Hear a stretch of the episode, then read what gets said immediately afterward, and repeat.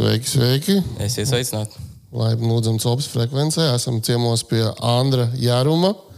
Sveiki, Čau, skatītāji! Sveiki, Copas frekvencē! Prieks jūs uzņemt Malēnijā! Mums prieks, ka tiešām mēs esam uzņemti šajā skaistajā pilsētā.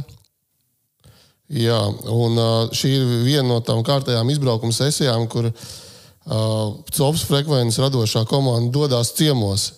Esam pie Alūksnes ezera štābā. Jā, galvenajā štābā.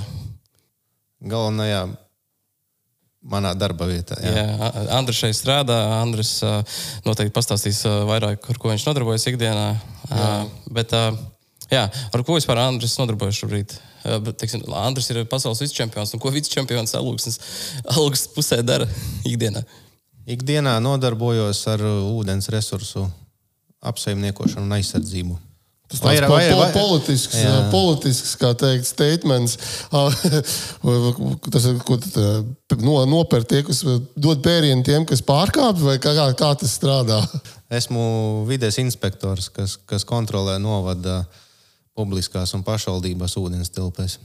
Galvenokārt uh, makšķerēšanas un rūpnieciskās zvejas noteikumu ievērošanu. Vai tie ir arī rūpnieciskā zveja? Jā, ir arī pusē. rūpnieciskā zveja, oficiāla, reizēm arī gadās. Pa kādai neoficiālai. Mazāk oficiāli. kas tiek ātri izķerta? Ja? Jā. Un esmu īstenībā ļoti lepns šeit strādāt. Un uzskatu, ka man ir ļoti paveicies. Jo strādāju darbu, kas man patīk, jau 11. gadu. Un uzskatu, ka cilvēkam jādara dzīvē tas, kas viņam patīk un kas interesē. Uh, savādāk tā ir sava laika neliederīga izniekošana manā skatījumā. Esmu ļoti laimīgs šeit strādāt, un darbs man ļoti patīk. Un, un, un arī domāju, ka pa šiem gadiem ir izdevies ieviest zināmu kārtību mūsu, mūsu ūdeņos. Tu minēji šos 11 gadus. Varbūt tu vari pastāstīt tādu, cik tas liels kontrasts bija pirms 11 gadiem, kāds ir šobrīd. Teiksim, kaut kāds tāds epitets, nu, teiksim, bija rīktīgs džungļi vai bardaks, un tagad ir visi ir ā, smukeri, kur Me, me, izbrauc. mežonīgie rietumi, gadījumā mežonīgie austrumu alūks. Kā, kā var Tas, salīdzināt? tas sākuma periods bija diezgan, diezgan uh, traks, ja godīgi. Pastāst, pastāst, mums, mums interesē vairāk. Tīklu daudzums ezerā bija diezgan iespaidīgs. Cik kilometri? Jā, ko? Kilometri nebija, kad es sāku strādāt. Tad Tie bija nu, 5 km apmēram, bet uh, Māris Lietuvietis, nu, aģentūras vadītājs, mans tiešais priekšnieks, tas jau bija pāris gadus pacīnījies ar, ar tiem malu zvejniekiem, pirms mani pieņēma darbā. Un Tā, viņš sāka strādāt, tad tie bija kaut kādi 4 km gadā tīkla apmēram. Kad es sāku strādāt kaut kāds kilometrs apmēram. Nu, mal, malu zvejnieku bija diezgan daudz. Cīņ, cīnījāmies kā nu prātām. Man tās pieredzes no sākuma, protams, nebija tik lielas kā tagad. Vēl nebija autoritāte. Vēl... Nu, jā, nu, visādi bija. Protams, tika ieguldīts ļoti daudz savā brīvā laika, arī līdzekļu. Netika tur skaitītas ne stundas, nekas. Un, un, un gadījumi bija visādi. Protams, visādi draudi ir izteikti, ir braukuši pie manis uz mājām, ir draudējuši nodedzināt māju šķūni un tā tālāk. Ir situši mašīnai logus ārā, privātajai. Oho. Tā kā ir gājis visādi. Ja? Viss kaut kam esam cauri gājuši. Negulētas naktis ļoti daudzas. Un, un pamazām, un pamazām nu, mēs, kā saka, neļāvām viņiem brīvi elpot. Un, un uh, šo gadu laikā esam nonākuši līdz tam, ja, kad, uh, piemēram, par visu pagājušo gadu Alūksnes ezerā netika izņemts neviens tīkls. Nulle Oho. metri. Ko viņi tagad dara? Aizgāja pensijā, tie visi brakeņieri, kurus tu pārmācījāt. Viena daļa ir jau tajā saulē, viena daļa ir atraduši citu nodarbošanos, jo ir sapratuši, ka šeit mēs elpot viņiem neļausim. Viena daļa ir pārcēlušies uz blakus novadiem, viena daļa teiksim, savas darbības veids kaut kādos mazajos privātajos ezeros, kas nav mūsu darba lauks. Juridiskajā, jā. Jā. Klau, bet uh, tad uh, kāds bija tas veiksmes pamats, teiksim, to apkarot tos, uh, Sodi. jā, sodi? Veiksmes, veiksmes pamats ir darbs un entuziasms. Bez tā neko panākt nav iespējams. Un tad sodi kā baigi netraucē. kā- Sodi netraucē ne šodien, ne rīt, ne vakar. Mm. Tie, kas strādā gudri, tie paši ezerā neiet. Tie atrod cilvēku no malas, teiksim, saucamo nu, Sešnieki, jā. sešinieku, kuram nekas nepieder, kuram nav oficiālu ienākumu, nopērk viņam pāris pudeles garšīga dzēriena, cigarešu paciņu, vēl kaut ko jaunu ezerā strādā viņi. Paši sēž, teiksim, krastā. Ja? Uh -huh. Divatā vai trijotā uz telefoniem un viss. Nu, ja nu, sliktākajā gadījumā, ja noķeram, noķer tos sešiniekus saucamos, nu, noņem tīklus, noņem laivu, tas arī viss. Latvijā liela problēma ir tā, kad no cilvēka, ja, teiksim, kuram nekas nepieder, kuram nav ienākumu, no viņa neko piedzīt nevar, viņš sodu nemaksā, un ar to arī viss beidzas. Nu, Tā ir problēma. darbība, ja? Tā ir, tā ir problēma. Teiksim, uh, vajadzētu varbūt pamainīt kaut ko likumdošanā un piespriest šādiem pārkāpējiem, kas nemaksā sodus, pieņemsim, sabiedriskos darbos, sabiedrības labā, iedot viņam grābekli, lai kā salapas ap ezeru, nezinu. Lai pļauj zāli, lai grāvjus tīra. Bet uh, Jo tā- es saku- atbildības nav ja, par, par tiem pārkāpumiem. Nu, ja ir, ja ir ievērojams zaudējums dabas resursiem nodarīts, tad ir jā. Bet, ja viņš tur kaut kādām breksēm, līņām vai ko, nu, protams, ka nē. Administratīvais sots un viss, viņš viņu nemaksā. Un viss. Labi, un tad, uh, tas tāds salīdzinoši veiksmīgs stāsts uh, šeit tālūksnē par to, ka ezers ir sakārtots. Jā, pateicoties eh, cilvēkiem, kas ir tajā visā interesēti un nav žēlojuši savu laiku, tā skaitā arī man draugi, arī brīvprātīgi inspektori, kas bija kādreiz saucām palīga. un Visi esam kopā strādājuši, lai to visu panāktu. Visa sabiedrība īstenībā.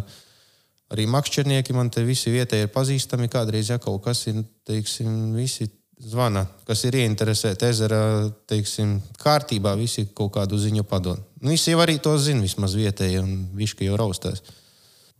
Un, teiksim, pēc tiem 11 gadiem, kā tu tagad skaties uz to ezeru, ka- kas ir tās būtiskākās izmaiņas, izņemot to vienu kilometru uh, rūtēnā, tad kas ir tieši vēl mainījies? Nu, nezinu, zivs palikušas vairāk, uh, mazāk uh, noslīkuši, piedzērušies. Kas ir, nu, kas, ir tā, kas, ir, kas ir tās būtiskās izmaiņas, ko varbūt sabiedrība var sajust? Un Pirmkārt, ir sakārtota infrastruktūra ap ezeru. Ir Ko tas nozīmē?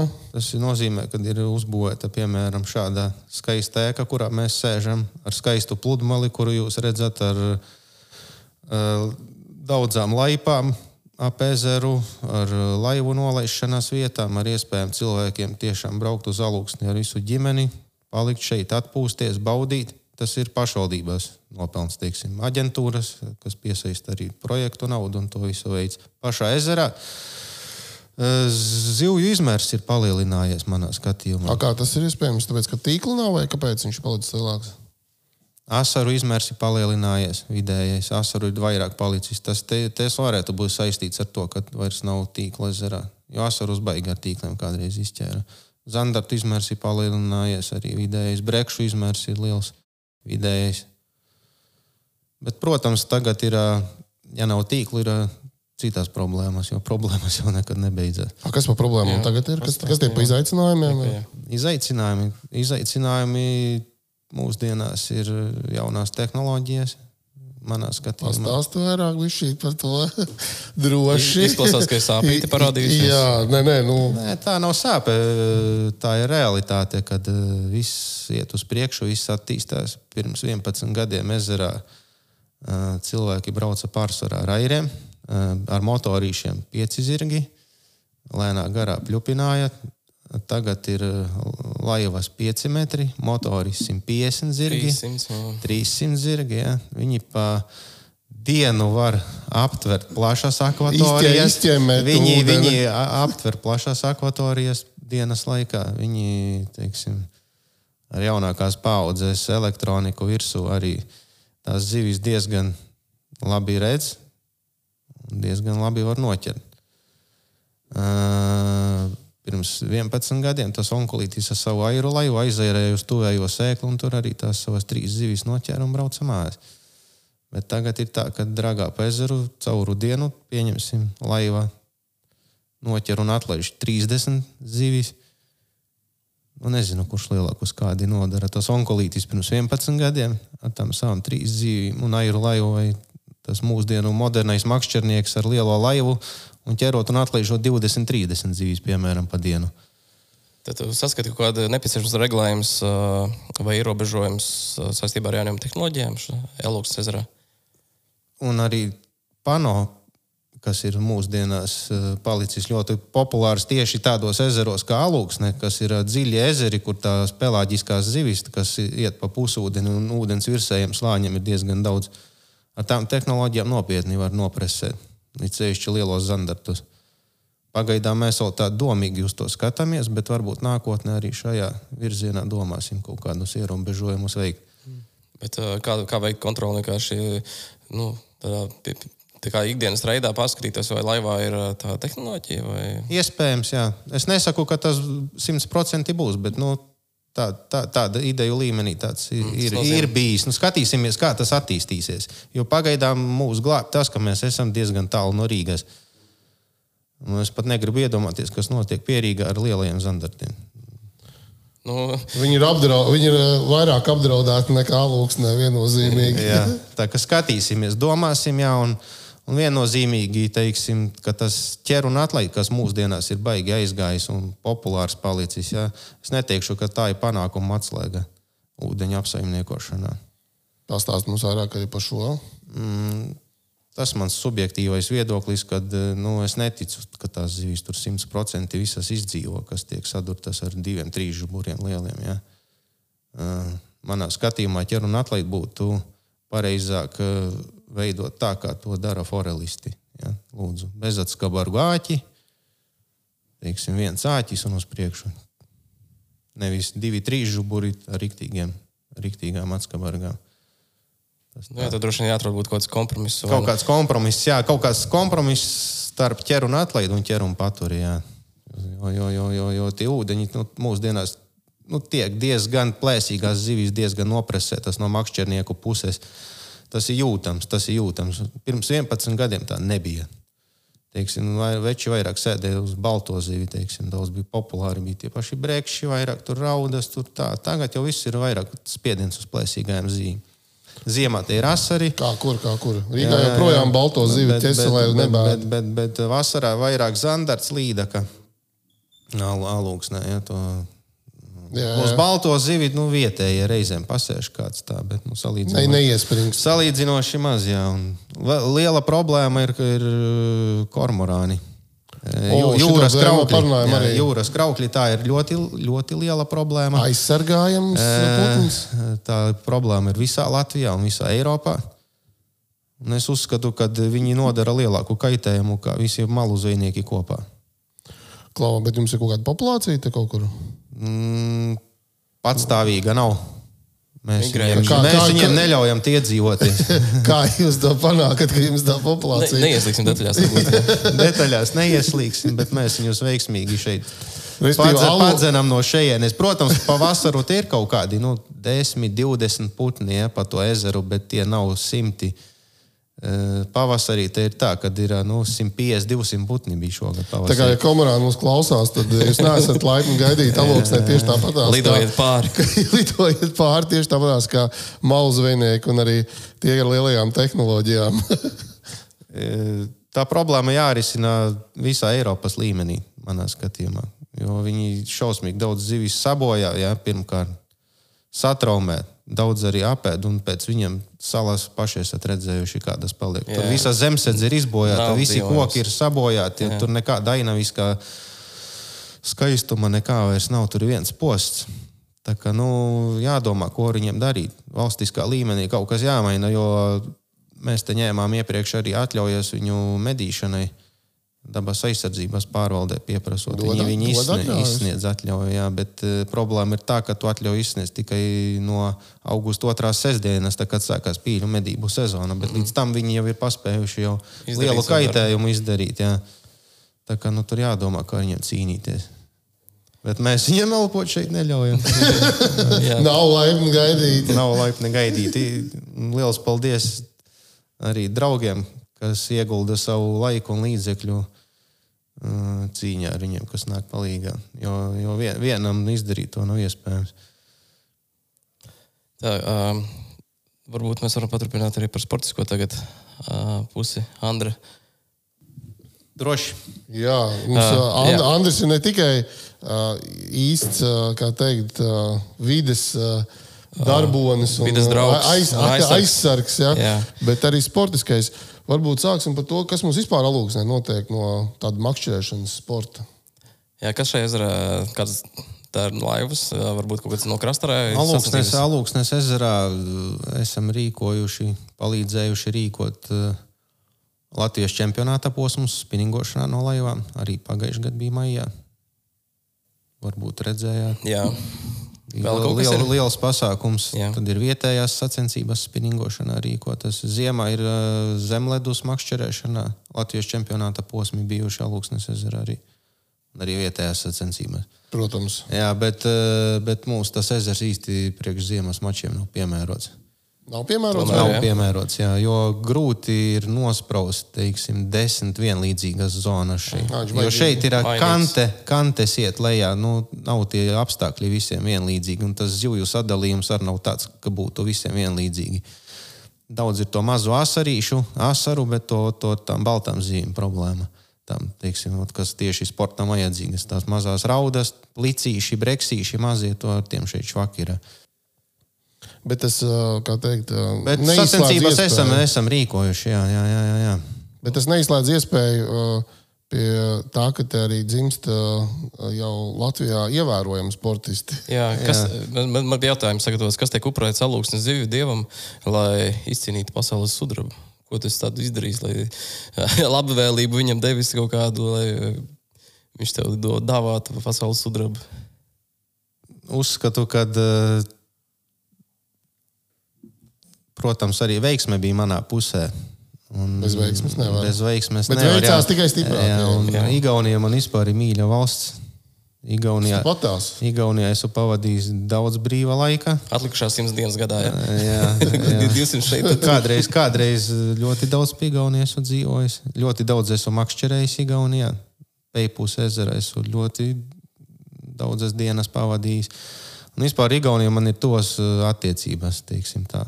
Mīļa valsts varbūt arī tāpēc man tā veiksmē stāvēja klāt Igaunijā, ka man tā, teiksim tā, kā otrās mājas. Varbūt ja Igaunija asins kaut kur. arī- Varbūt, jā, varbūt, kas to lai zina. es domāju, ka pus, pus alūksne ir Igaunijas. Tāpat kā Igaunijas pusē, viņa jau ir jālūdz. Ma malēniešu asins. Jā, bet, klau, bet uh, nu, kā tas ir? Kā tas nākas? Teiksim, tu uh, dzīvo un strādā alūksnē un teiksim, tik lielā pasākumā kā pasaules čempionāts zemlētas makšķerēšanā, tu dabūji otro vietu. Kā, kā tu līdz tam tiki? Nu, tas ir būtisks panākums ne tikai Latvijā, bet pasaulē. jā, protams, piekrītu. Panākums ir liels. Pa- Pats vēl nu, tā, tikai tagad esmu sapratis Ko īstenībā. tu izdarīji? Jā, ko es esmu izdarījis. Bet uh, uzskatu, ka ceļš līdz tam nav bijis nemaz tik viegls. Ar ziemas copu aizraujos no kādu piecu gadu vecuma.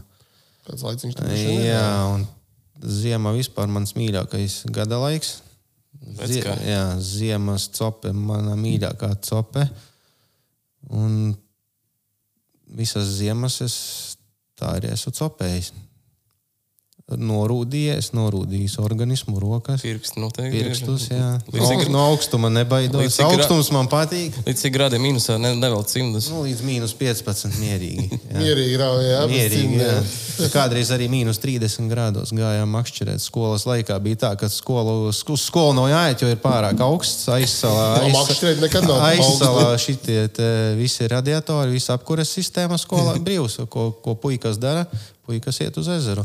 A Kā tajā laikā tur, liekas, tas apģērbs nebija Apģērbs, apģērbs specializēts. bija, nebija viņš kā ir tagad. Jā, mēs taisījām paši līmējām no plēves tādas mājiņas, kausējām ar gludekļiem kopā tādas un ar, ar avīzi līmējām tādas plēves. Tā, teiksim, tagad ir teltis, toreiz telšu nebija. No plēves paši taisījām tādas. Stūdāmās, man liekas, No tādas. plēves tādā maisā ielien, uzvelc maisu pāri, ieborē bori, atstutē, pats sēdi tādā uh -huh. plēves maisā un copē. un Iedēs svecīti, mīnus 30 grādos, tīri normāli.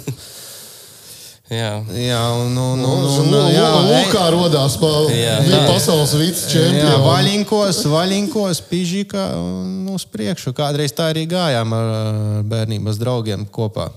Makšķerēt, nesēdējām pie datoriem, kā tagad mūsdienu jaunatne, bet visu laiku copējām, visus brīvlaikus, visus ziemas brīvlaiki, visi pavadīti, makšķerējot uz ezera. Tā, jā, pamazām. Tad, tie pirmsākumi tai ziemas copei. Bet uh, kļūstot vecākam, un makšķerējot tā kā vairāk, tā kā, tā kā, tā kā sākām Vēl domāt, tā vairāk, kā, vēl vairāk. E, Nu, jā, vēl vairāk. Un tā kā šeit e, vienā gadā bija Latvijas čempionātā posms zemledus makšķerēšanā Alūksnes ezerā, mēs palīdzējām ar sacensību rīkošanu un bijām tiesneši tajā visā pasākumā. Un tad mēs to copēs sporta veidu ziemas, ja iepazinām tuvāk un baigi kaut kā uzrunāja. Tieši, un- no, Bet tieši dēļ tā viena Latvijas čempionāta posma, tu tā kā kaut kā Tā kā uzvari? es biju tiesnesis, jā, un es to visu redzēju, kā tur viss notiek, kā tur uh, veči ķēr tās sacensības, visu to azartu, visu, visu šito, te, to visu ņemšanos. Un tā kā mums tas tā kā baigi, baigi iepatikās, un tad mēs ar domu biedriem, draugiem, kolēģiem sākām apspriest, nu kā tas nākās, ka, kā lūksnei ziemas galvaspilsētā, ja? Nav savas, atzīmēsim nav savas, nav savas ziemas uh, komandas copē. Nu, kā tā var būt? Padomā. Ziemas galvaspilsēta bez ziemas copes komandas. vai ne? Nu, kā? Nepiedodam. Nepiedodami. Un tad un mēs sanācām kopā un izdomājām, ka Dalūksnei vajag savu ziemas komandu.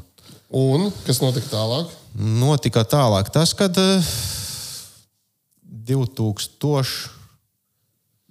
Varu samelot, kurā gadā? 17. Mēs nolēmām startēt Latvijas čempionātā. Zemledus makšķerēšanā. Uz, 17. 17. varētu būt tas. Nu, Nu, Tie gadi skrien. Jā, jā, jā, pieņemsim. pieņemsim. Tie gadi skrien, tad tur jāsāk rēķināt. Bet man šķiet, ka 17. Metāt izaicinājumu Metām pārējiem. izaicinājumu pārējiem, uztaisījām komandu ar čomiem. Kā sauc komandas skatītājiem, varbūt nav visiem zināms. C. Albula Lūksne. Jā, varbūt pa- paskaidro, ko tas nosaukums būt. C. Albula no latīņu valodas tulkojuma nozīmē repsis. Reps. Oho. Repsis. Kāpēc tieši Kāpēc tieši repsis, repsis ir uh, retī sastopama zivju suga Latvijā, un kura ir sastopama Lūksnes ezerā. Ir. Ir repša Lūksnes ezerā. Jā. Viņi ir cik viņi lieli ir. Viņi, tad, Viņi viņi ir rādami, tādi viņi tādi mazi. garšīgi, kā siļķes, ļoti garšīga zivs. Nu, tādi, nu, Ā, tā kā sīļķi, jā. nu, tādi nu, kā liela vīķe. Mm. Lašveidīga zivs, ļoti mm. garšīga, bet uz makšķeres viņi neķerās. Savu barošanās īpatnību pēc. Viņi barojas ar planktonu, un šī ezera viņus uz makšķeres nevar noķert. Tikai, tikai- rūpnieciski.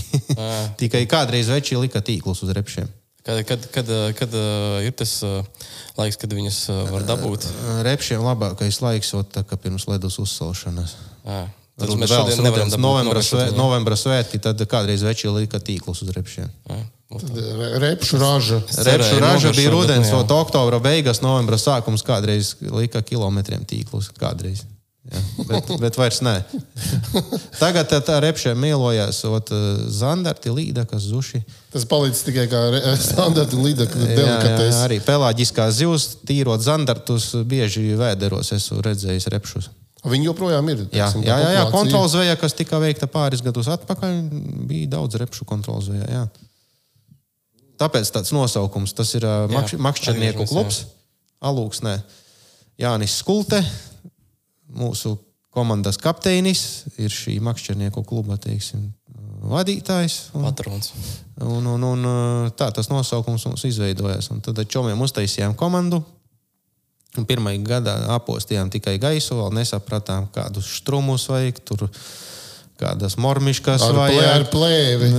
kādas tur visus borus, visu aprīkojumu. Tā, tā, nu, tā vairāk, teiksim, tā plezīrā un pasākuma pēc piedalījāmies. Pirmo gadu tur sapazināmies ar visiem šiem sporta makšķerniekiem. Viņi, protams, neliedza savu padomu, visā aprīkojumā, mormiškās auklās, visu, un tā mēs lēnā garā to gaisu apostījām. Kaut kā tur pēdējā īsti nepalikām tajā gadā. Kaut kur tur beigu galā bijām, kaut kādi divas vietas no beigām, man šķiet, kaut kur tā. Iesildīšanās. gads Iesildīšanās gads, jā, un tad, nu, tad nākošajā gadā, tad, tad domāju, no, iesim tai lietai nopietnāk. Trenējāties vairāk, Trenējāmies, vai jā, tre, braucām iepriekš trenēties uz ezeriem, sataisījām visus rīkus, visu, visu. Izdevās mums izcils starts pirmajā balvu posmā, nostartējām pirmie. Un tad radās ticība, ka varam. Ka varam cīnīties ar pieredzējušiem večiem, kas jau tur gadiem startē, un tā arī to gadu nokāpājām un kļuvām par Latvijas čempioniem. Ot, Paga, paga, otrajā, gadā, ga- otrajā gadā? otrajā gadā Alūksne Latvijas čempioni Neko sev. komandās. Jā. Izgriezāt pogas. Bet, uh, man jautā, Izgriezām pogas pilnīgi visiem. Malači. Opā. Uh, es tieši gribēju pajautāt, vai uh, tieši nu, šur pāris gadu tev pieredze Latvijas čempionātā, tā vispār ko konkurence iekšējā ir starp komandām. Latvijas čempionātā ir tā kā augusi stipra konkurence. Latvijas čempionātā ir ļoti sīva konkurence. Manā skatījumā ir daudz spēcīgu sportistu. kā, daudz spēcīgu sportistu un arī jauni ir nākuši klāt. Arī spēcīgi Jā, tas baigi sportisti. labi. Baigi, nu, čomi tādi tiešām, kas tajā ieguldās un kas ir spēcīgi. Tā kā uzvarēt, teiksim, tagad var, nu, daudz, daudzi var uzvarēt. Nu, daudz spēcīgi ir. Aprīkojums arī ir palicis puslīdz tāds pieejamāks visiem. Nu, nu. Visiem, teiksim, vien, vienlīdzīgs aprīkojums ir. Jo, redzi, ziemas copē, tur jau nav eholotu, tur nav visa šitā. Tur jāķer ar savām rokām, jā, savu ņuhu, poņu, čuju. Jā, zivs drusku jāsaprot. Zivs jāsaprot, jā, jābora ir ar rokām. Tāpat jās, jāskrien ir fizisko bišķi vajag. Tā kā konkurence ir spēcīga, jā. Un ļoti spēcīga, es pat teiktu. Un tad mēs alūksnes komanda turpinājām startus Latvijas čempionātā. Pēc mūsu grandiozā panākuma nākošajā gadā mums izdevās trešo vietu izcīnīt komandām. Noturēties peģistālā. Jā. Jā, nokritāmies. Tad mums tad, tad, tad nākošais gads bija laikam tie Covid gadi, un kas tur tad nākošajā mums bija kaut kur tā, bišķi švakāk. Un šī pēdējā uh, čempionātā mēs komandām trešajā, trešajā izkapām trešo vietu arī. Šogad. Šogad trešajā. Man komandas biedrs otro vietu individuāli. Vicečempions Rolands Čīsis. Es uh -huh. desmitais šogad. Pagājušajā gadā izkapāju Latvijas čempiona titulu. Jā, tu biji individuāli čempions. Jā. Tā kā Tur bija tāda laba uz, uz, uzvaras tāda līnija. Sanāk. Paga, Nu, jā, šogad tu desmitais. šogad desmitais, jā, man tas Pasaulē otrais, bet Latvijā desmitais. Latvijā Kā tas desmitais, ir Nu, tāpēc iespējams? jau teicu, ka ļoti, ir ļoti, ļoti, sīva konkurence Latvijā. daudz spēcīgu sportistu ir un daudz jaunu, jaunu pienācēju, kas šogad desmitniekā ir arī jaunie. Vismaz divi, trīs tādi, kas tiešām pirmo, otro gadu tikai startē ļoti perspektīvi. no ļoti perspektīvi čaļi. No Daugopils, arī no Alūksnes. Jānis Strauss, viņš vispār šogad gāja pārliecinoši pa pirmo vietu. Oho. Viņš bija līdz limbažu posmam pārliecinoši vadībā. Pat, pat pēc limbažu pirmās dienas pārliecinoši vadībā. Viņam atlika otro dienu, nu, kaut pa piekto vietu, viņš būtu čempions. 12. norakās. otrā dienā 12. Manā zonā viņš bija. Nu, ot, pieredze- Es biju pirmais, viņš bija 12. otrā dienā Limbažos. Jā. Viņam no starta nepaveicās ar starta vietas izvēli. Un, Nu, pieredze vajadzīga nedaudz vairāk. Ja? nu, iespējams, Vai jā. arī izlozes, cik es saprotu? Tur viss kopā. Pieredze, izloze, veiksme arī, protams. Kā tu ielozējies, kurā zonā, teiksim, tur arī tas ar nosvaru ir. Tā kā, tā kā konkurence jā, ir spēcīga. Jā.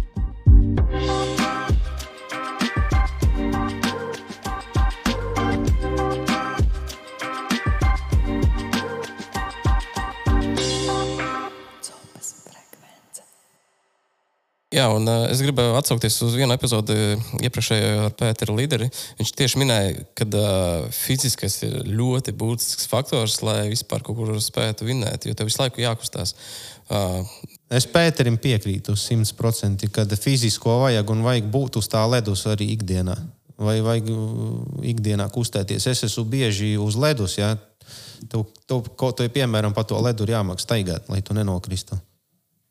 Tev jājūt, ir. Jā, jā, tev āliņģi, tev āliņģi jāmāk borēt ātri. tehnika Nu, pareizā. Tev vajag eh, spēku, lai to sāliņu urptu. Ja? Es ikdienā ziemā daudz staigāju, daudz copēju. Cik, cik vidēji tu dienā izvaru baliņus? Kā kurā copē? Neskaitu.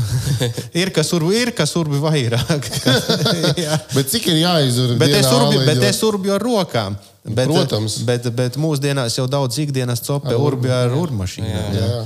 Uz asariem ejot, nu, dienā kādi nu, 30, 50 tāliņi.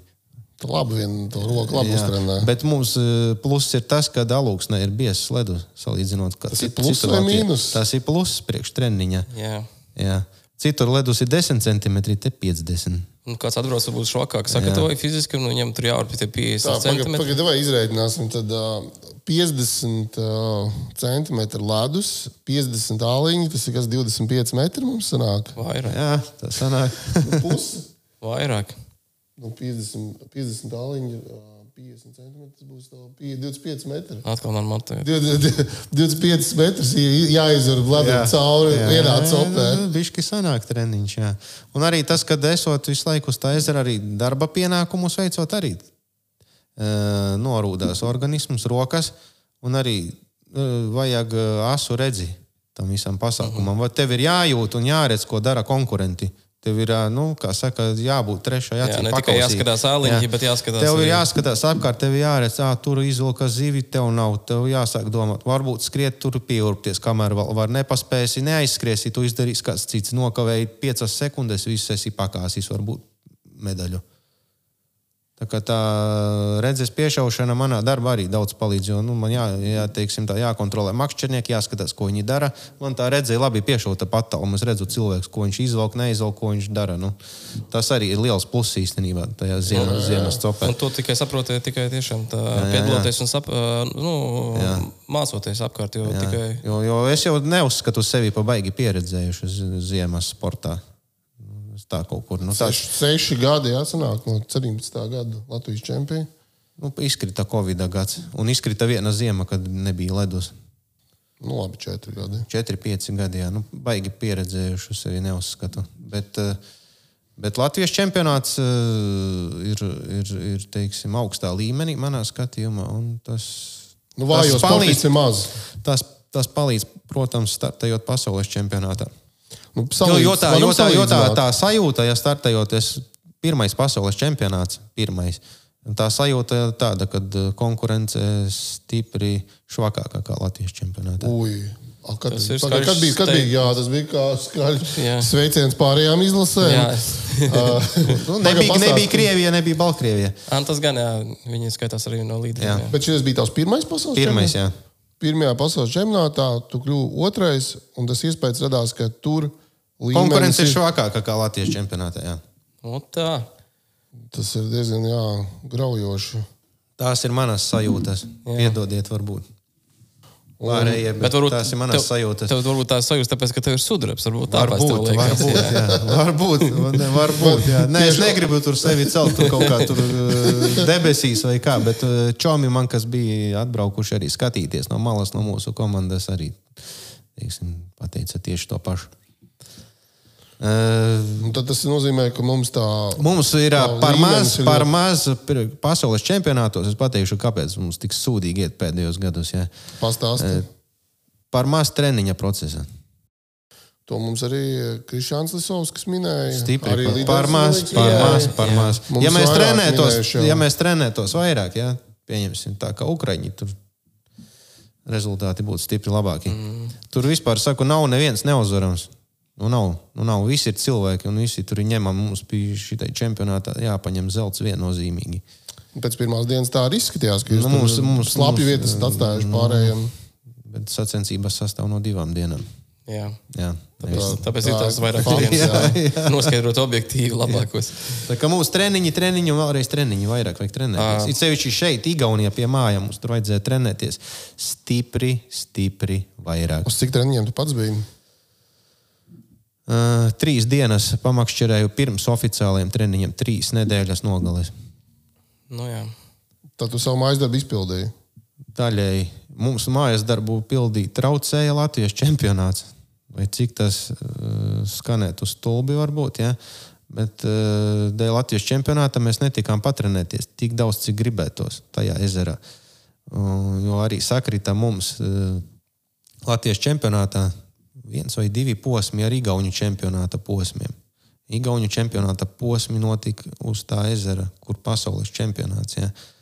Manā skatījumā būtu bijis baigis labi nostartēt viņu čempionātā šito ziemu, kas Starp bija. citu. Jā, un, un, un, un, un pataustīt to ezeru sacensību režīmā. Jo trenējoties brīvajos treniņos, ja tu īsti Nu, presings Tu- tu to zivi īsti tik labi neizproti kā sacensību režīmā. Ja?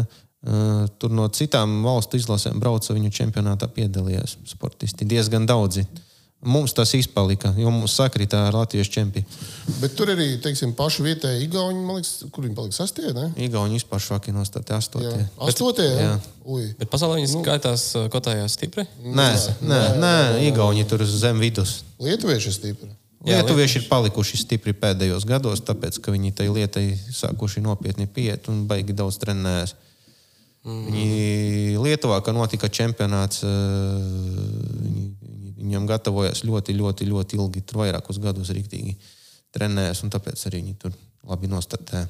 Bet ko Eh, nozīmē, šeit, šeit lietuvieši, teiksim, nu, manā skatījumā, nostartēja labi, bet īsti viņiem arī nebija viss tur īsti skaidrs Igaunijas ezerā. Viņiem, viņiem tur arī nemaz tik labi negāja.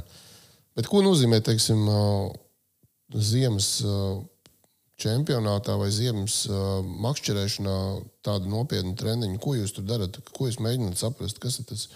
Jūs, nu, nu, viens ir tas, ka droši vien to gultni, ja tur var izpētīt kārtīgi to trasi, bet kas, kas ir vēl tāds, ko, jūs, ko tu saki, otru gadiem trenējās, lai labi nostartētu arī? Nu, Vajag, vajag saprast, pirmkārt, vajag saprast uh, konkrētās ūdens tilpes īpatnības un, uh, un barību. Barību. Tajā laikā Pareizu sprīdī. barību vajag atrast, kas piesaista pēc iespējas to lielāku zivi. Teiksim, Ukraiņi, Ukraiņi to bija sapratuši, un viņi bija atraduši recepti, kā piesaistīt uh, breks, breksi tieši. Jā. Mums pietrūka varbūt tā. To treniņu procesu tieši mēs tā kā sapratām to barību, tā kā viss tā kā strādāja, tā kā nu, viss ir labi. Uh, bet nu, vajadzēja tieši saprast vairāk tas, uz to breksi.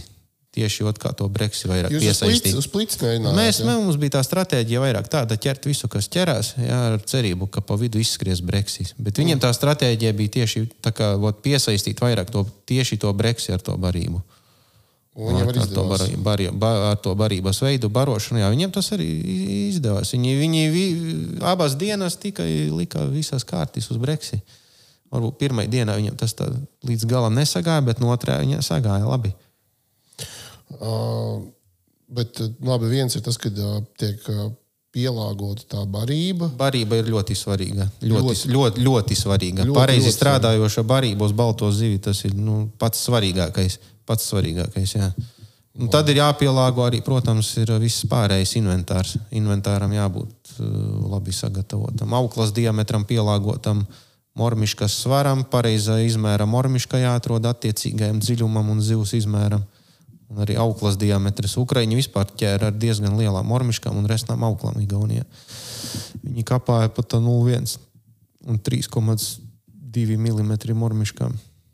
Un sakapāja. Jo Tur tā zivs Nu, bija. viens kārtīgam alūksnītiem droši vien būtu kaut kas tāds, ko viņš uh, ne, neizvāk no skapīša ārā. Tie ir 0,2 jāšāds, ne? 0,2. Viņš pat kilos, Es ķēru uz 0,09. 0,09, Igaunijā, jā. jā, 0,87. Jā, nu, principā 0,09 arī, arī ķēru. Jo tur tā zivs bija diezgan agresīva. Lai gan izmērā netika salīdzinoši tā rauda liela plicis, bet viņa ņēma diezgan agresīvi, diezgan lielu mormišku. Nu, Ukraiņi ar to bija sapratuši. Viņi es tā skatījos, jā, 3, 3,2 mm mormiškā ķēra. Es ar ķēru 3, ar 3 mm mormišku. Nu, tur, teiksim, samazināšanās uz mazāku auklas diametru un mazāku mormišku neko nedeva. Igaunijas eh, variantā. Tur tā zivs jau bija, viņa ņēma. Un to breksi ātrāk var izlūgt ar resnāku auklu. Nu, skaidrs, un mazāk iespēju, ka viņš to Un no- mazāk nos- iespēja, ka viņš to kaut kur, kaut kur, jā, kaut ko izdarīs sliktu. Okay. Un, ā, teiksim, atgriežoties pie tās ā, komandas sagatavošanas procesa un vispārējo, tad nu, kāds būtu tas tavs ideālais modelis, ko tu ieteiktu nākamajam čempionātam? Ne, pat neskatoties to, ka viņš ir ļoti eksotiskā valstī priekš mums. Mm. Kādai vajadzētu būt tam ideālajam modelim? Cik Izdomāt pareizu atlases kārtību priekš, izlases? priekš izlases. Jā. Ko nozīmē pareizi? Kāda būtu pareizā? Jā, Pēc kaut gadījumā. kāda reitinga pēdējo gadu, Kā piemēram. tagad tas notiek? Jā, vai, nav, vai pēc reitinga arī? Tagad bija kaut kas pēc reitinga, tika skatīts jā, uz šito, uz vis- uz tur uz vispār šito čempionātu. Jā, es tu- tiku iekšā, jo es biju pirmais, pirmais Latvijā, un man piešķīra dāvanu karti. Copes lietas priekš pasaules čempionāta 300 eiro Ne, vērtība. nevarēja Tā kā viņiem nebija lēto darbu. Viņiem nebija, Pats nebija variantu mani nepaņemt. Ne- ne- Tā ne- es arī tur tiku, ja godīgi. Paldies čaļiem, ka mani paņēma. Es domāju, ka viņi tev arī nenožēlo, ka viņi tev paņēma līdzi. Ievilki komandu vispār bronzā. bet labi, nu, atgriežieties, bet nu, kāds būtu tas Tagad, ideālais tagad, ja, sadalījums? tagad jau ir kaut kāda uh, skaidrība, sāk mazliet veidoties, bet uh, teiksim, man līdz galam tāpat nav skaidrs. Brauks vai nebrauks. Ja? Nē, tagad atkal viņi tev nevar nepaņemt līdzi. Jā, ne- mani nevar nepaņemt, jā, bet es biju desmitais Latvijā. Nē, bet tagad tu esi pasaulē otrais. kā var neņemt? Iedomājies, ko viņi teiks pārējām izlasēm. And, a, kur Andris? Andris nav, netika desmitais. Tas nekas, ka viņš bija otrais pasaulē. Nu, mana, manā teiksim, skatījumā uh, izlasē būtu jāņem uh, stiprākie uz, uz doto vai kaut kādu pēdējo 3-5 gadu brīdi sportisti. Bet uh, tas objektīvi trīs gadi. Nu, protams, Pieci. Un drusku- Tas, tas, tas diskutējams jautājums. Tas ir kaut kas tāds, ko mums arī pagājušajā raidījumā. Diskutējams jautājums ir, ā, jo, teiksim, nu, nereti ir tā, ā, ja tās sacensības notiek kaut kādās tālākās valstīs, vai kā nu, aizbrauc tie, kam ir līdzekļi. Nu, Nevis jā. tie, kas ir reāli Nu, stiprākie. diemžēl realitāte tāda, jā, ka mums Jā. jābrauc pa saviem Tā kā nu, vajadzētu izdomāt kaut kādu, jā, uz to jau viss iet, kad ot, konkrētu formulu. Ot, Tie piedāvā tajiem, nu, ja no tajiem, teiksim, nu, nu, kāds, nu, kaut kādu apstākļu pēc jā. pasaka, nē, nu, tad, teiksim, no nākošie. Jā, jā. Bet braukt, teiksim, uz Mongoliju ar domu dzert šņabi, ja, nu, Un gaidīt medaļas. un gaidīt medaļas, nu nebūs to medaļu. Ar tādu domu medaļu nebūs viennozīmīgi. Tur, tur, tur smagi jāstrādā. Ļoti smagi. Tur apstākļi ir ļoti smagi. Cik mēs parunājām ar mongoļiem, tur vispār pusotrs metrs ledus ir. Pusotrs metrs. Tas tev nav pusmetrīgais pusme- alūksnis. Es, es, es ieteiktu, Tas nav uh, pusmetrīgais Latvijas- alūksnes ledus, Jā, jā. Latvijas zemlīdes makšķerēšanas uh, top 10 džekiem uh, uztaisīt vasarā sporta nometni Alūksnē pie Andra, lai uzkačātu sev fiziskos tā kā, kondīciju un tad varēs to pusotru metru ievurpt. Jā, tā kā jāsāk laikam pāriet uz airu laivu šogad uz rudens pusi. Jā, jāsāk ar airiem, airiem jāsāk trenēties. Jā, ja jūs redzat, uh, makšķerējot, jūs esat uh, uz ūdens un kāds airē pie jums, tad tas noteikti būs Andrs. Jā, tad inspektors ar airiem. Trenējies pasaules čempions. Jā, ja viņš jūs noķer ar motoriem, ar saviem airīšiem, tad zināt, kas ir Andris Jārums. Kādreiz uh, inspektori veica kontroli ar airu, lai jau mairē.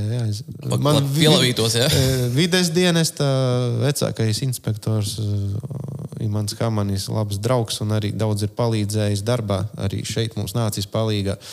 Nu, kādreiz, kādreiz viņi ar airiem brauca, jā, ar airiem, airē pa ezeru, kontrolēja ezeru ar airiem. Brauc ar ar to saucamo košku pa ezeru visur ar airiem. Tas nemaz tik sen atpakaļ. Gadi, nu, nezinu, 15 atpakaļ. Ezers ir pietiekami 20. liels, lai viņi Jā, domāju. kādreiz inspektora airē. Un ir kādai motivācijai jābūt, lai vienkārši tā, ka šodien noairēšu, nezinu, cik kilometru Un desmit. ziemā gāja ar kājām, nevis brauca ar sniega mocītā kā mēs. Jā, tā kā. Izlaidušies, tas ir Jā. jaunā paudze. Ir, jā. jā, jā. Klau, bet uh, tu neminēji nevienā brīdī uh, treneru un runneru nozīmi. Kā, kā tu uz to skaties? Mm, viennozīmīgi runneri un treneri ir vajadzīgi, un viņi palīdz, bet ir vajadzīgi tādi runneri, kas saprot kaut ko. Ui, zelta vārdi. jā, Ik pa brīdim no kāda no sportistiem šo dzirdu. jo nav jēgas no cilvēka izstriķa, ja, kurš uh, Viņš nemāk nolasīt kurš spēli. īsti, kurš īstajā nesaprot, kas tajā spēle, spēles laukumā notiek. Un šajā sakarā arī varu pateikt paldies runnerim Jā, Jurim, Jurim, Jurim, Jurim. Aboliņam? Āboliņam, Jurim, jā. Juri, tev paldies. jā, kurš bija man runners arī un palīdzēja. Un tajā pirmajā dienā viņš tā forši ieskatījās, kad Mongolim ir palicis viens perspektīvas āliņģis nenosekts ar karogu.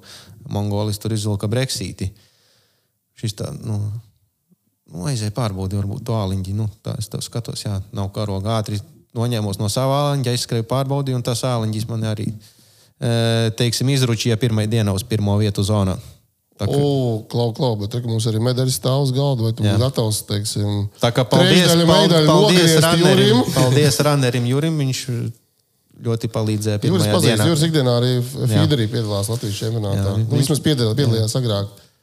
Uh, jā, klau. Tā kā uh, runneriem ir, ir, protams, liela nozīme. Tur jau vadošajām komandām ir vispār. Tur uz katru sportistu ir ā, katrā čempionātā pa divi runneri. Mums jau te bija līdzi, jo sacensības jau tepat notiek Igaunijā. Ā, Uz Mongoliju mums jau neaizbrauks līdzi. Tur katram divi runneri. Jā, bet klau, neaizbrauks līdzi. Bet nu, šajā gadījumā, ja mēs runājam par to ideā, ideālo modeli, tad mums, kas ir nepieciešams, ir daudz treniņu nepieciešams. Jā, jāmakšķerē, jāmakšķerē ir, Kas, ir, kas saprot, ko viņi dara. Jā, Jā, jāmakšķerē, jātrenēs visu laiku arī sportistiem, kas grib sasniegt labus rezultātus. Ikdienā ir daudz jācopē. Un jācopē pēc iespējas, jācenšas copēt kaut kādos dažādos ezeros. Nu, es arī ikdienā daudz makšķerēju ziemā. Arī veicot kontroli ezeros, es citreiz ņemu līdzi makšķeri pa visiem apkārt novada ezeriem, arī pasēžu pamakšķerēju. Citreiz mēs tā braucam, nu, kontrolēt makšķerniekus, skatāmies, uzvelku citu kombināciju, ja? paņemu kasti. Maskējies. Jā, ķipā maskējos. Nu, skatos, vai veči neliek pa daudz ūdens, piemēram. Sēžu un makšķerēju savu makšķerīti. Binoklis man līdzi, ik pa laikam paskatos, pavēroju. Pēc tam, ja kaut kas ir, es viņam klusītēm apēju apkārt, pieeju klāt. Caps. Caps un ciet, tur bez mierīgi, nopietni, bez nekādiem sniegamočiem, bez nekā. Jā, tā mēs darām.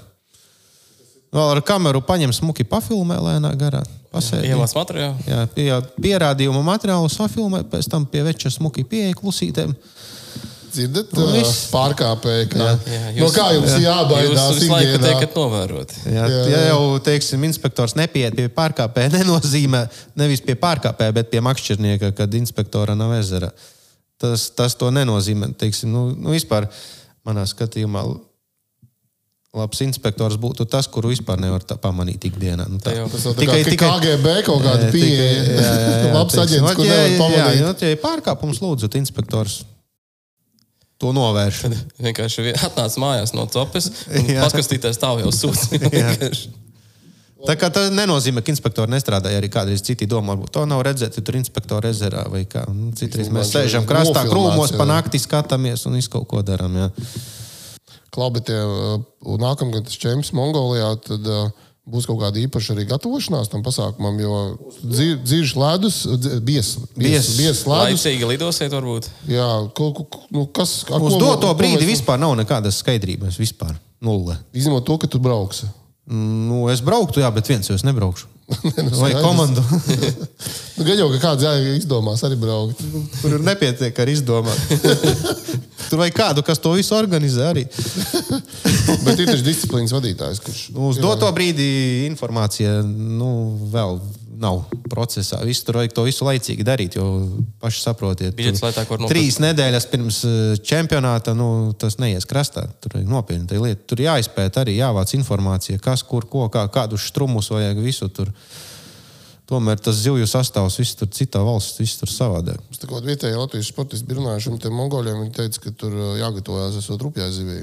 Nu, tā varētu būt. Cik, cik, cik nu man sanāca parunāt, viņi teica, vispār tas esot uh, Mongolijā slavenākais lielo līdaku un lielo asaru ezers.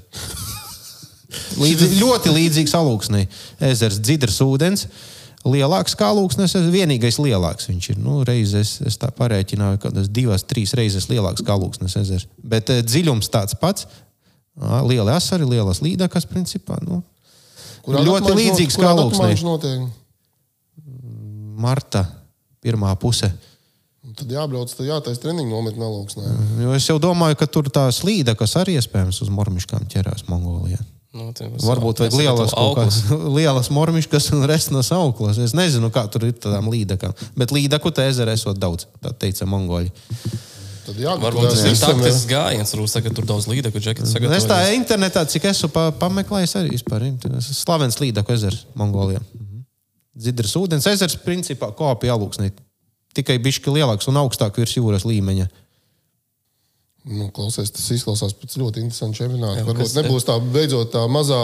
Nosauksim viņu par pisūļu, jā, jā, jādargā. Varbūt, Varbūt varbūt tur būs jāķer big fish. Jā. Varbūt būs kilograms asari. Jā, varbūt Igor, kas zina, varbūt mēs brauksim tur arī tiešraidē kādu translēsim. No Mongolijas. No, vai ne? Būtu Nu, tu- Uz, Jā, uz, mēs uz, Mongoliju, uz Mongoliju, protams, gribās braukt, bet nu, vajag, vajag saprast, ko un kā. Un tur laicīgi vajag visu organizēt. Jo tur jābūt skaidram sportistu teiksim, sastāvam jau rudenī, kas brauks.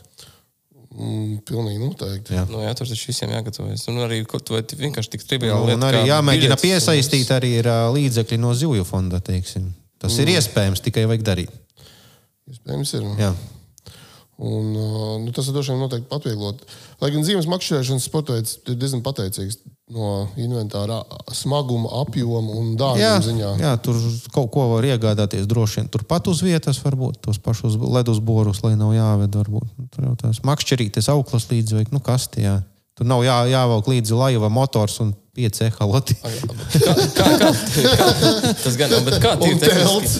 Tu, labi, mēs pieraduši to pusmetru šeit, tur tur tur pusotrs metrs. Vienkārši tu iorpu pievieno pa, pa, pagarinājumu. Tālāk, kur Nē, nē, tur ir garie urbi. priekšrocība gar auguma cilvēkiem. nu, Tur vienkārši urbies iekšā. Tur jā, jāuzkāpj uz kastes un jāvar pirmais urbiens no kastes, acīm redzot. Es nezinu. Pirmkārt, jau jāsagatavo normāls kastes, lai izturtu visu laiku kāpjot augšā. Nu, bet varbūt es varbūt varu iorpt arī tā. Bet tam Stāvot. pašam asmenim nav jābūt garākam nekā. Tam pašam, pašam šnekam ir jābūt. Protams, Nu jā. lai viņš tev ledu met ārā. Nu jā, Tam nu. visam borim arī. Tā jāpamēra. Varbūt, varbūt arī var pusotru metru rokām šitā izsniegt. Jāpamēra. Nu, tāpēc saku, vajadzīga kaut kāda vasaras nometne, kur džeki atnāk un trenē nu, to uh, urbienu augsto.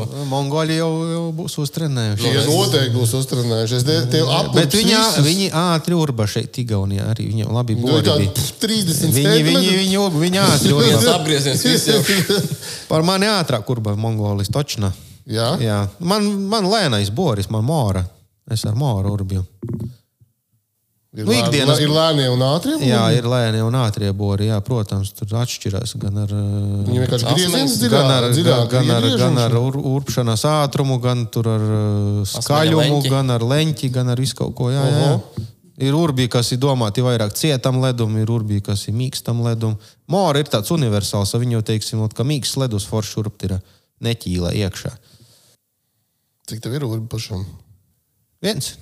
Viens Jā, universālais. jā ikdienas copi un arī mačiem. Lūdzu, Latviju pārējie pasaules čempionāta dalībnieki ar vienu urbi no alūksnes. Urbim kādi desmit gadi morē vismaz. Es izurbīju tur peipusā, nezinu, tūkstošiem māliņu, ģalūksnē, tūkstošiem. Vecā mora, vēl vecā zaļā mora, ļoti labs urbis. Pieskārāmies inventāram, drusku varbūt ieskicēja, teiksim, ar ko tu sāki startēt vispār zemelidu. Un, teiksim, tu saki no bērnības, jo tur droši vien tev bija viena makšķerīte, viena mormiška, kaut kas tāds. Bet nu, šobrīd cik tu esi apaudzis? Teiksim, un kurā brīdī saprati, ka nē, ar vienu būs par īsu? Ja sāc startēt eh, sacensībās, tad eh, pamazām to apaudz. Jā, Nu, nu, Ga- pastāst, ar cik, cik tā, tā noliktava tur ir liela? Man nav tur īpaši liela. Es kādam 14 makšķeriem startēju.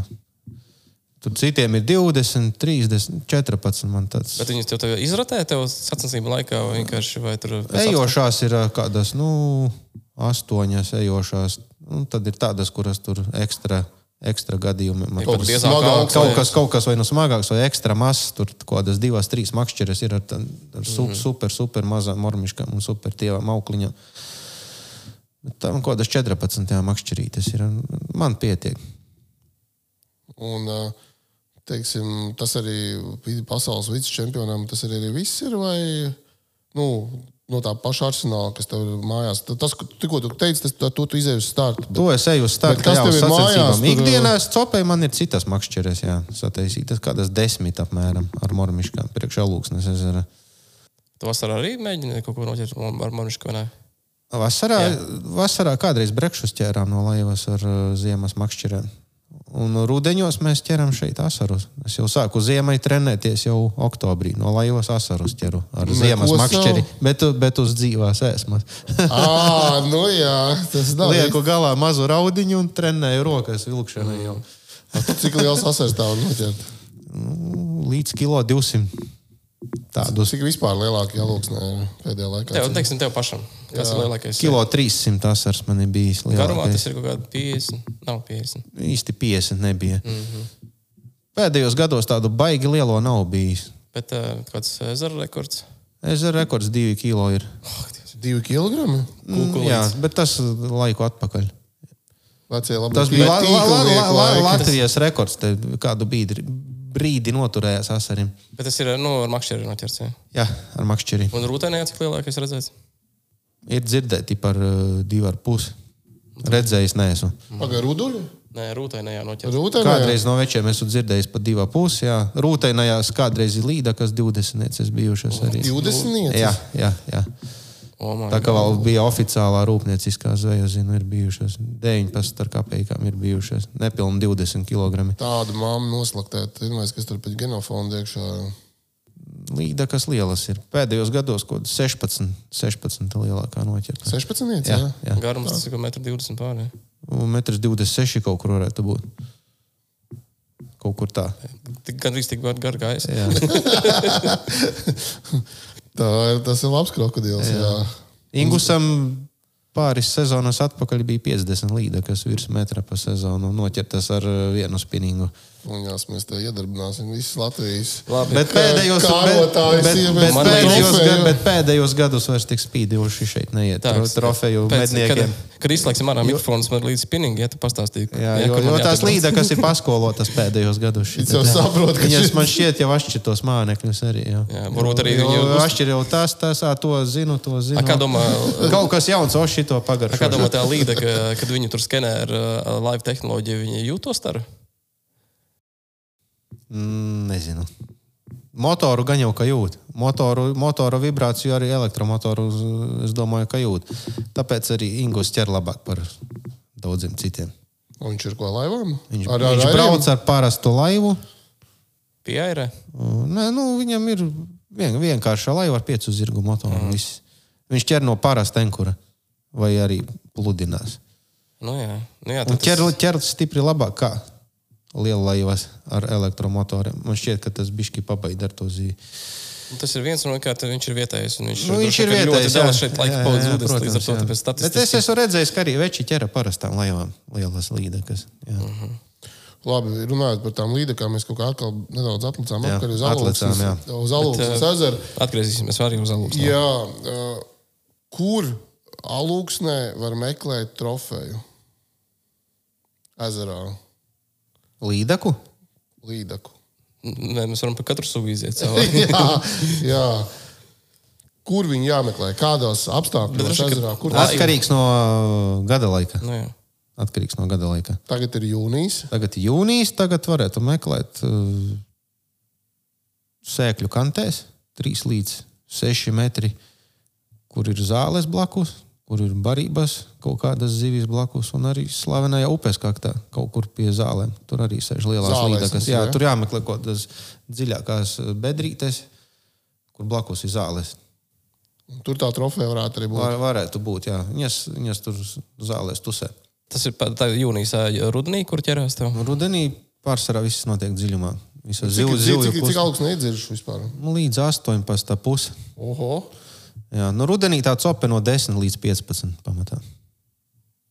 Un, ā, Asars līdaka, asars. jā, asars ar visu dziļumā. Bet uz velci vai uz dziļumā Rudenī velci tikai uz velci var noķert lielo līdaku, ko ja dzīvo. Mētāt diezgan baigi, nu, grūti sarežģīti. Ir. Nu, tur ir. Jā, jā, jā. Var noķert, bet ļoti sarežģīti. Velce vai uz dzīvo pārsvarā. Vietējie ķera dzīvojam, arī asarus ķer. Lielajos dziļajās bedrēs labi lomi ir asaru rudeņos. Arī, ir, arī dziļumā. Jā, jā, jā. Ir kas uz mikroģiga ķer arī. Jā. Nu, no 10 līdz 15 metri darba dziļums rudenī. Teiksim, nu, šob, man paņem tādi šodien līdzi tādi jūtīgi, tie spinīgi ma mazu testu, lai varētu noķert kaut kādu asru foršu pacīnīties. Tad, nu, teiksim, tu varētu iedot tagad punktu un saka, ka Džeki braucies tur un jūs 100% dabūsiet savu lielāko asaru. Šodien nevarētu tā padarīt. Jā. Uz doto brīdi asaru uz kaut kādu nejūt ezerā. Tagad Jā. maija beigas, jūnija sākums nav asaru loma īpaši bijuši makšķerniekiem. Redz kā. Kaut kāds Un es arī šodien pašlaik slēpjas. jā. Viņi man šķiet nesen beiguši nārstot. Ir.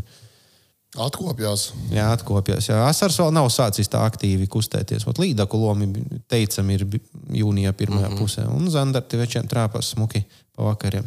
Mm -hmm. Cik tas ir smugs zandarts? No 3 līdz 4 kg vidēji.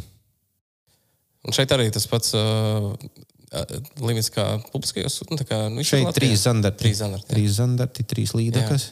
Jā, cik es saprotu, grib visā Latvijā laikam ieviest to trīs Manā zandartu limitu. skatījumā tas būtu. Jā, es- Man liekas, ka to Tas pilnībā būtu pietiek. pilnīgi normāli un pilnīgi pietiekoši. Kā- Pil, kā- pilnīgi pietiekoši. Kā tu skaties, teiksim, mums ir bijis arī pāris reizes raidījumā izskanējis tāda, tāds piedāvājums vai ideja, ka varētu uzlikt ierobežojumu ne tikai minimālajiem garumam, bet arī maksimālajiem nu, vai svaram.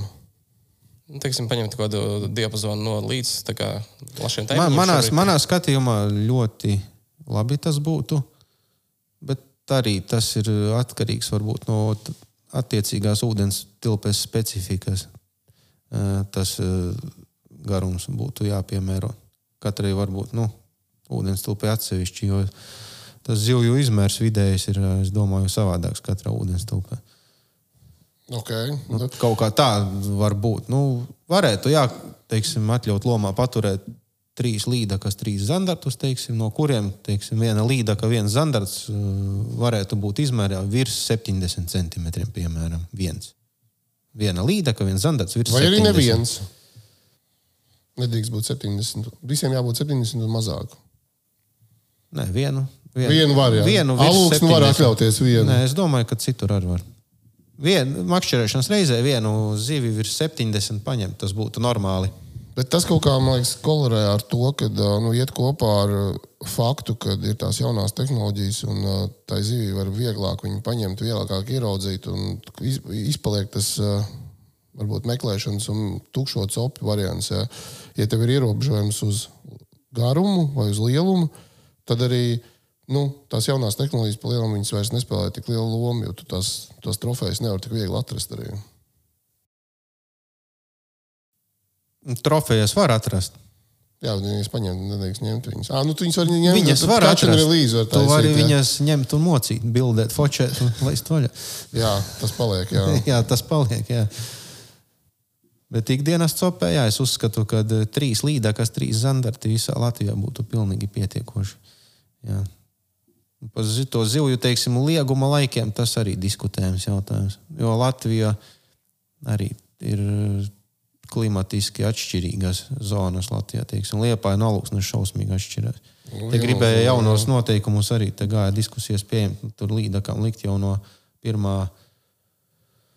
1. februāra jau tā kā liegumu, ja, bet, nu, alūksnē, piemēram, līdakas varētu atļaut ķert līdz 15. martam mierīgi.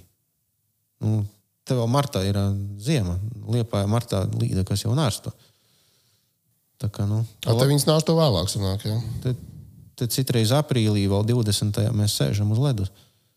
Te vispār varētu šī Latvijas galā, teiksim, līdakas atļaut ķert vispār no 15. maija, piemēram. Bet atļaut ķert līdz 15. martam, piemēram. Uh -huh. Nobīdīt. Nobīdīt pa mēnesi, teiksim, vasaras virzienā, nevis otrā virzienā.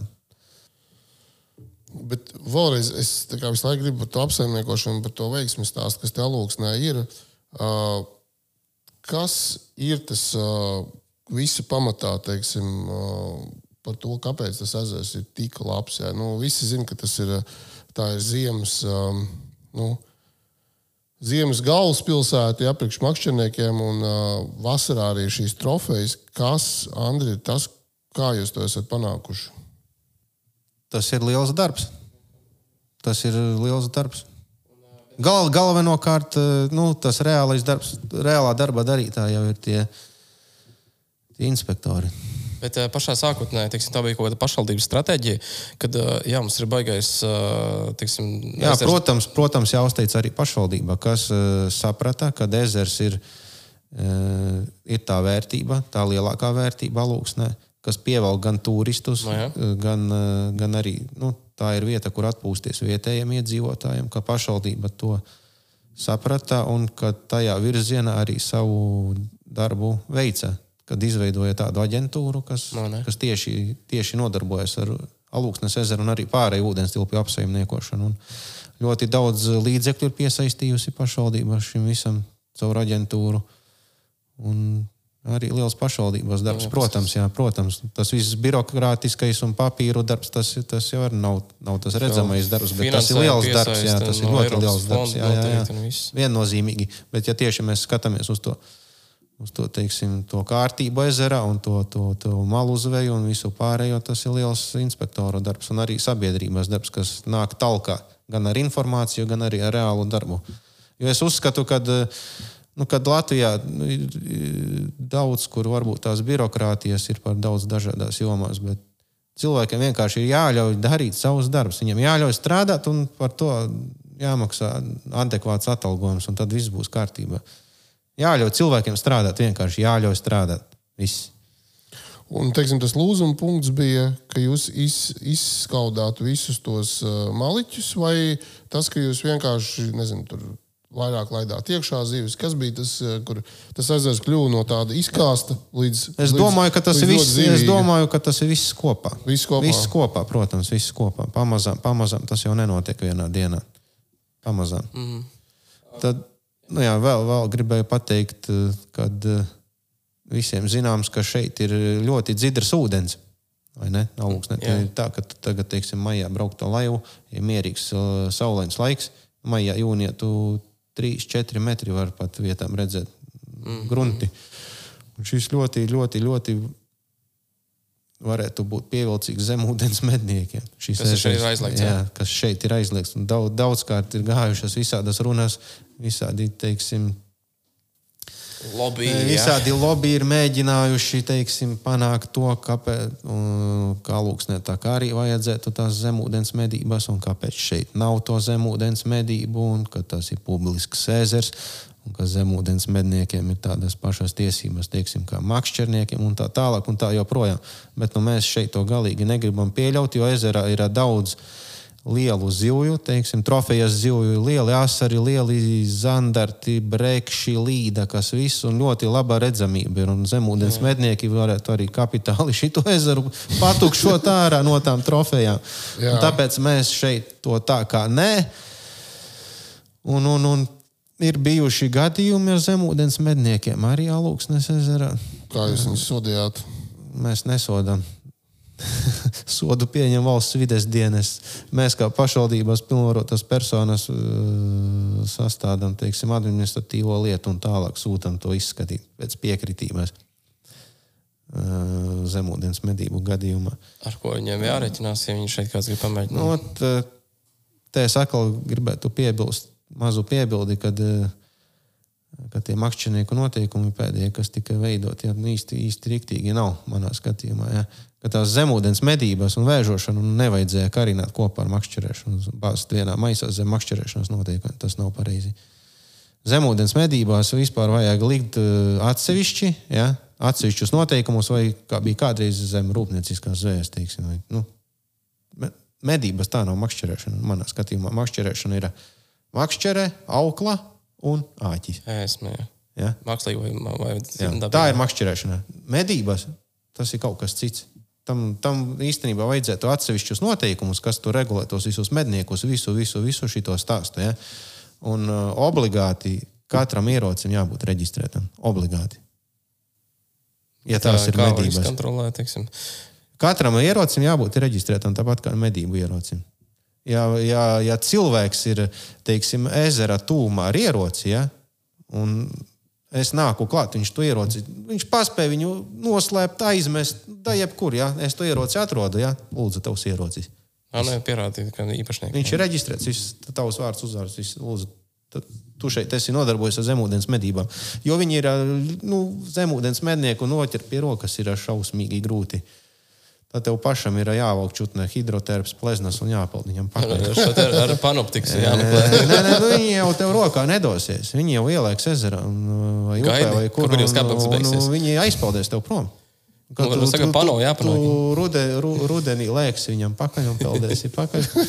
Kad jau tas kabels beidzas un izlienā ar laivu tu pie viņa nepiebrauksi. Viņš jau jutīs laivu. Zemūdens medniekus pie rokas pieķert ir diezgan grūti vispār. Var, var bet diezgan sarežģīti. Mm. Tā kā jā, par zemūdens medībām runājot, jā. Bet tas, uh, tā, tas message uh, zemūdens medniekiem, diemžēl, Nevajag, jūs nevajag uz, uz neesat. nevajag uz alūksni. Nevajag Nebraucat, jā, Andris uh, zina, kā jūs Mēs vaktējam, noķert. vaktējam ezeru. Jā, nebraucat te. Atpūsties ar ģimenēm, jūs esat vairāk nekā Peldēties var, forši Jā, viss. bet bez šautenes. Bez šautenes, jā. harpūnām. Bez šautenes un bez harpūnām, jā. Ah, Tā, klausies, mēs esam netālu no slavenajām laivu garāžām. Esmu dzirdējis, ka šeit tajās garāžās rodās visi alūksnieši. Tā ir taisnība. Tā tauta Tiek runā. ražoti, Tā, tā jā. tauta runā. Jā, man, man Vai tu vari apstiprināt šo leģendu. Daļēji. Tā, uh, Kad jā, va- Varu aizvest vēlāk, parādīt. Jā. ja jums interesē. ja mums laiks ļauj Ekskursija. Ekskursijā, jā, uz ražotni. konvejeru. Jā. uh, nu jā, mēs pieskaramies uz kuriozai notī. Uh, varbūt var pastāstīt kaut ko uh, no inspektora dzīves, kaut kādu kuriozu. Varbūt, uh, ko plašāk varbūt zina cilvēki, varbūt kaut kas pilnībā tāds jauns, jauns fakts, ko neviens nav zinājis vēl, bet, nu, var pastāstīt pat līties. Kaut kāda pieķeršanas brīža, ko cilvēki saka, tajā brīdī es, es neko sēņoju. Vai, nu, Jā, Rotaļājos. es- es Nē, nu, saka jau visādi, ka peldējās, teiksim, vai ka, ka vienkārši brauc atpūšās. un Bija tā nesen brekšunārs pirms trim gadiem. ar Tur bija tī- tīkls ielikts ezerā. Tad arī gaidījām, ka nāks pakaļ. Ā, Tad arī vecīs aizgāja ezerā, iebrida tikai maikā. Vairāk nekā iebrida, izvilka to tīklu. Vilka krastā pilns ar breksēm. Tur nezinu, kilogrami 70, 80 bija tāda nu, nepārāk garā tīklā. jā.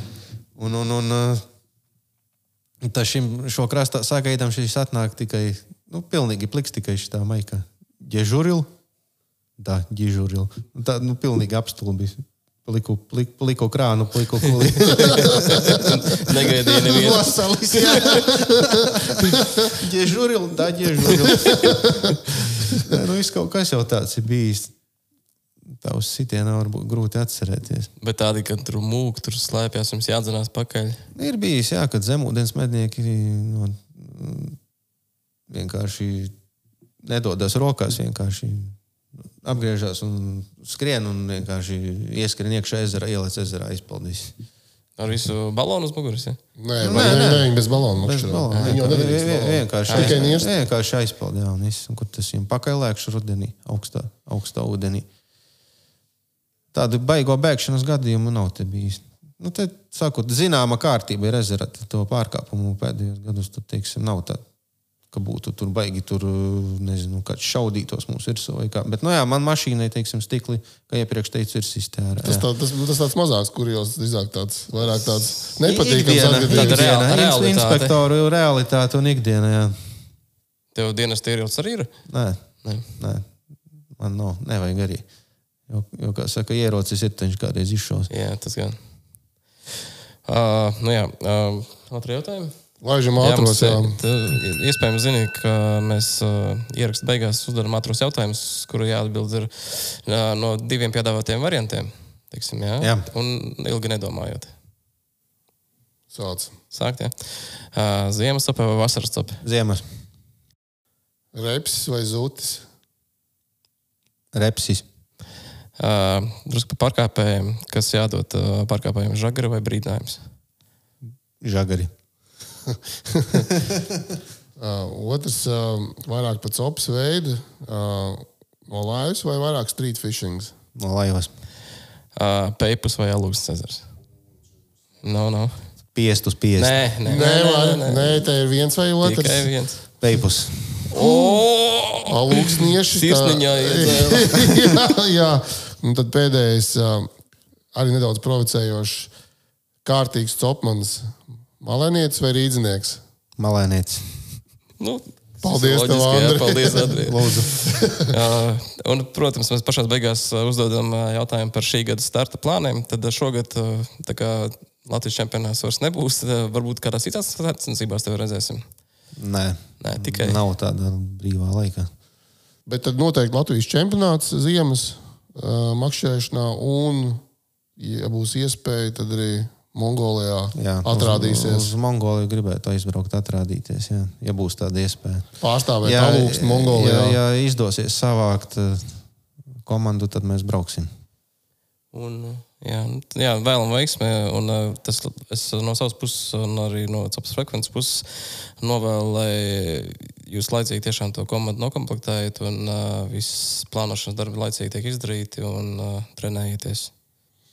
Jā, Un arī droši vien Trenēsimies. lieki, lieki ir atzīmēt, ka uh, brauciet uz alūksni. Nu, Ievērojiet braucat sopēt, noteikumus, jā. ievērojiet Jā. noteikumus, Jā, jā, un laipni gaidīti. Smaidīgs, Jā. un paprasīs, kā klājas, Jā. un nevis Mēs vēlreiz arī ap divu ar, ar Renāru pārliecināmies, ka te ir lieliska infrastruktūra, viss ir smuks, zālīte ir nopļauta, piebraukt var, laivu var nolaist, jā, Jā. Viss, ir, viss ir kārtībā. Ir arī kur palikt, kur pāriest. Jā, pie mums ir forši. Brauciet. Tā kā tev ir Laipni gaidīt. gaidīt. Jā, laipni gaidīt. Alūksne jūs vienmēr gaidīs. Jā, un- Paldies. Paldies, Andri. Un pašā beigās, pirms mēs noslēdzam epizodi, aicinu visus skatītājus un klausītājus uh, piesakot mūsu kanālam, uh, piesakot mūsu sociālajā tīkla lapām un, protams, ielaikot, jo tie klikšķi YouTube patīk.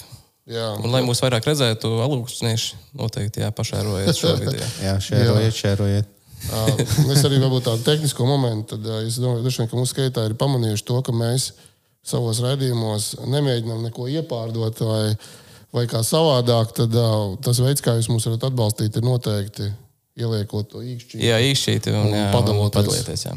Vai arī vienkārši ieliekat komentāru, kur jūs Jā, paskatāt, par jums kom- kaut kas patīk vai nepatīk. Jā, Tas- var droši iekomentēt, vai jums patīk alūksnē un kāda jums pieredze bijusi vispār copē. Jā. Alūksnes ezerā. Paldies, tev, Andri, par Jā, paldies, Andri, vēlreiz. Uz- Jā, paldies, ka Jā. atbraucāt. Jā, mums, mēs, jā, mēs baigi priecīgi bijām šeit. Jā, viss. Paldies!